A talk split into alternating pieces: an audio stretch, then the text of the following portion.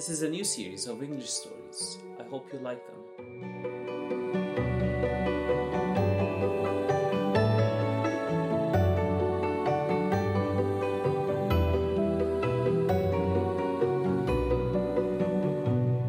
It was the end of summer days.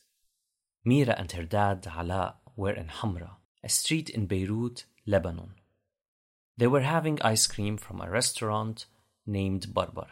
I had ice cream in the last story. Am I going to have Buza ice cream in all of your stories? We said it's the end of summer, so I doubt it. They walked down the street and passed by an old building. It was called the Piccadilly Building. I used to work here before you were born. Why is there a big lock on that? That's the gate. Mira was pointing at an old gate next to the main building entrance. It seemed no one had stepped foot inside for years. This used to be a theater in the 1960s and 70s. It hosted concerts, musicals, and plays. Unfortunately, it was closed in the 80s after the Civil War. Can we have a peek inside? Before Alaa could reply to Mira and tell her that they cannot, because the gate is locked and the space was abandoned, Mira had already touched the lock on the old gate and it just fell off to the ground. The gate opened wide and yellow light started flickering inside. It looks open to me. She stepped in, and Alaa followed. A man with long hair and a mustache, wearing a tight chemise, tucked in tight pants that are baggy from the bottom, saluted them and said, أهلا وسهلا تفضلوا Welcome, come in. He gave them two tickets that dated back to 1970 and cost around five liras. Just five liras? هيدا لما كانت الليرة تحكي But the lira doesn't have a mouth to speak. كيف كانت تحكي؟ It's not literal talking. It means that the lira had more value than now. يعني يعني كان عندها كانت الليرة ب 5 ليرة we could buy whatever we want.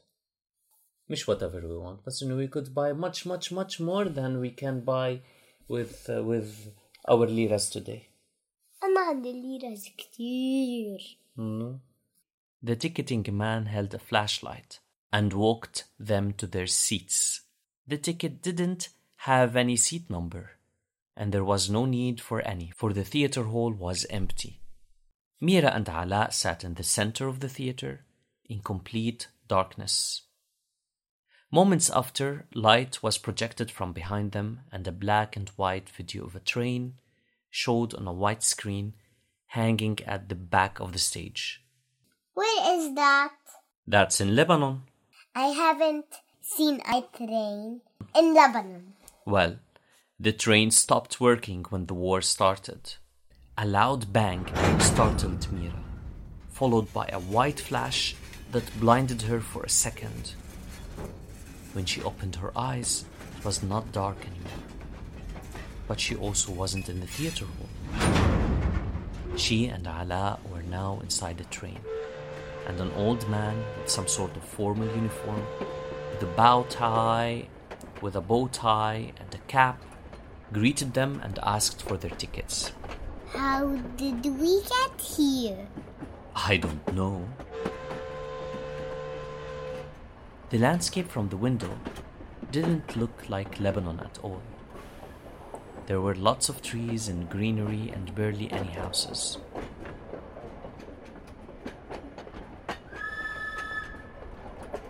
Mira was loving the scenery. When the train suddenly whistled loudly and hit the brakes abruptly. She almost hit her head on the front seat, and the loud squeals of the train wheels grinding on the tracks were unbearable to her ears. It was so loud.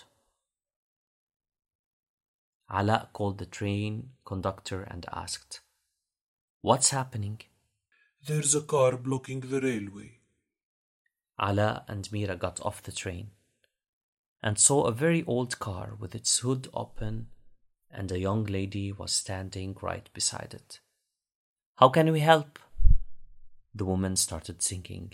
هالسيارة مش عم تمشي بدها حدا يدفشها دفشة Daddy, Daddy, isn't that Fairuz? I think so. Alaa and Mira helped the young lady push her car off the railway. Thank you, the lady said.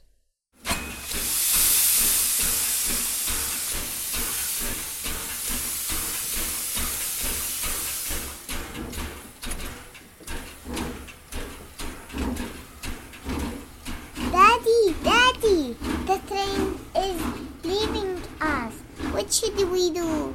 The train took off, leaving Mira and Alaa behind. I could have given you a ride, but I'm afraid my car is still broken. Sorry. Mira started crying, panicking and wondering how she can go back home. Don't worry. How about you rest a bit? Everything will be fine. The lady told Mira. Alaa helped Mira to lie down into the back seat of the young lady's car, while the lady started singing her famous lullaby.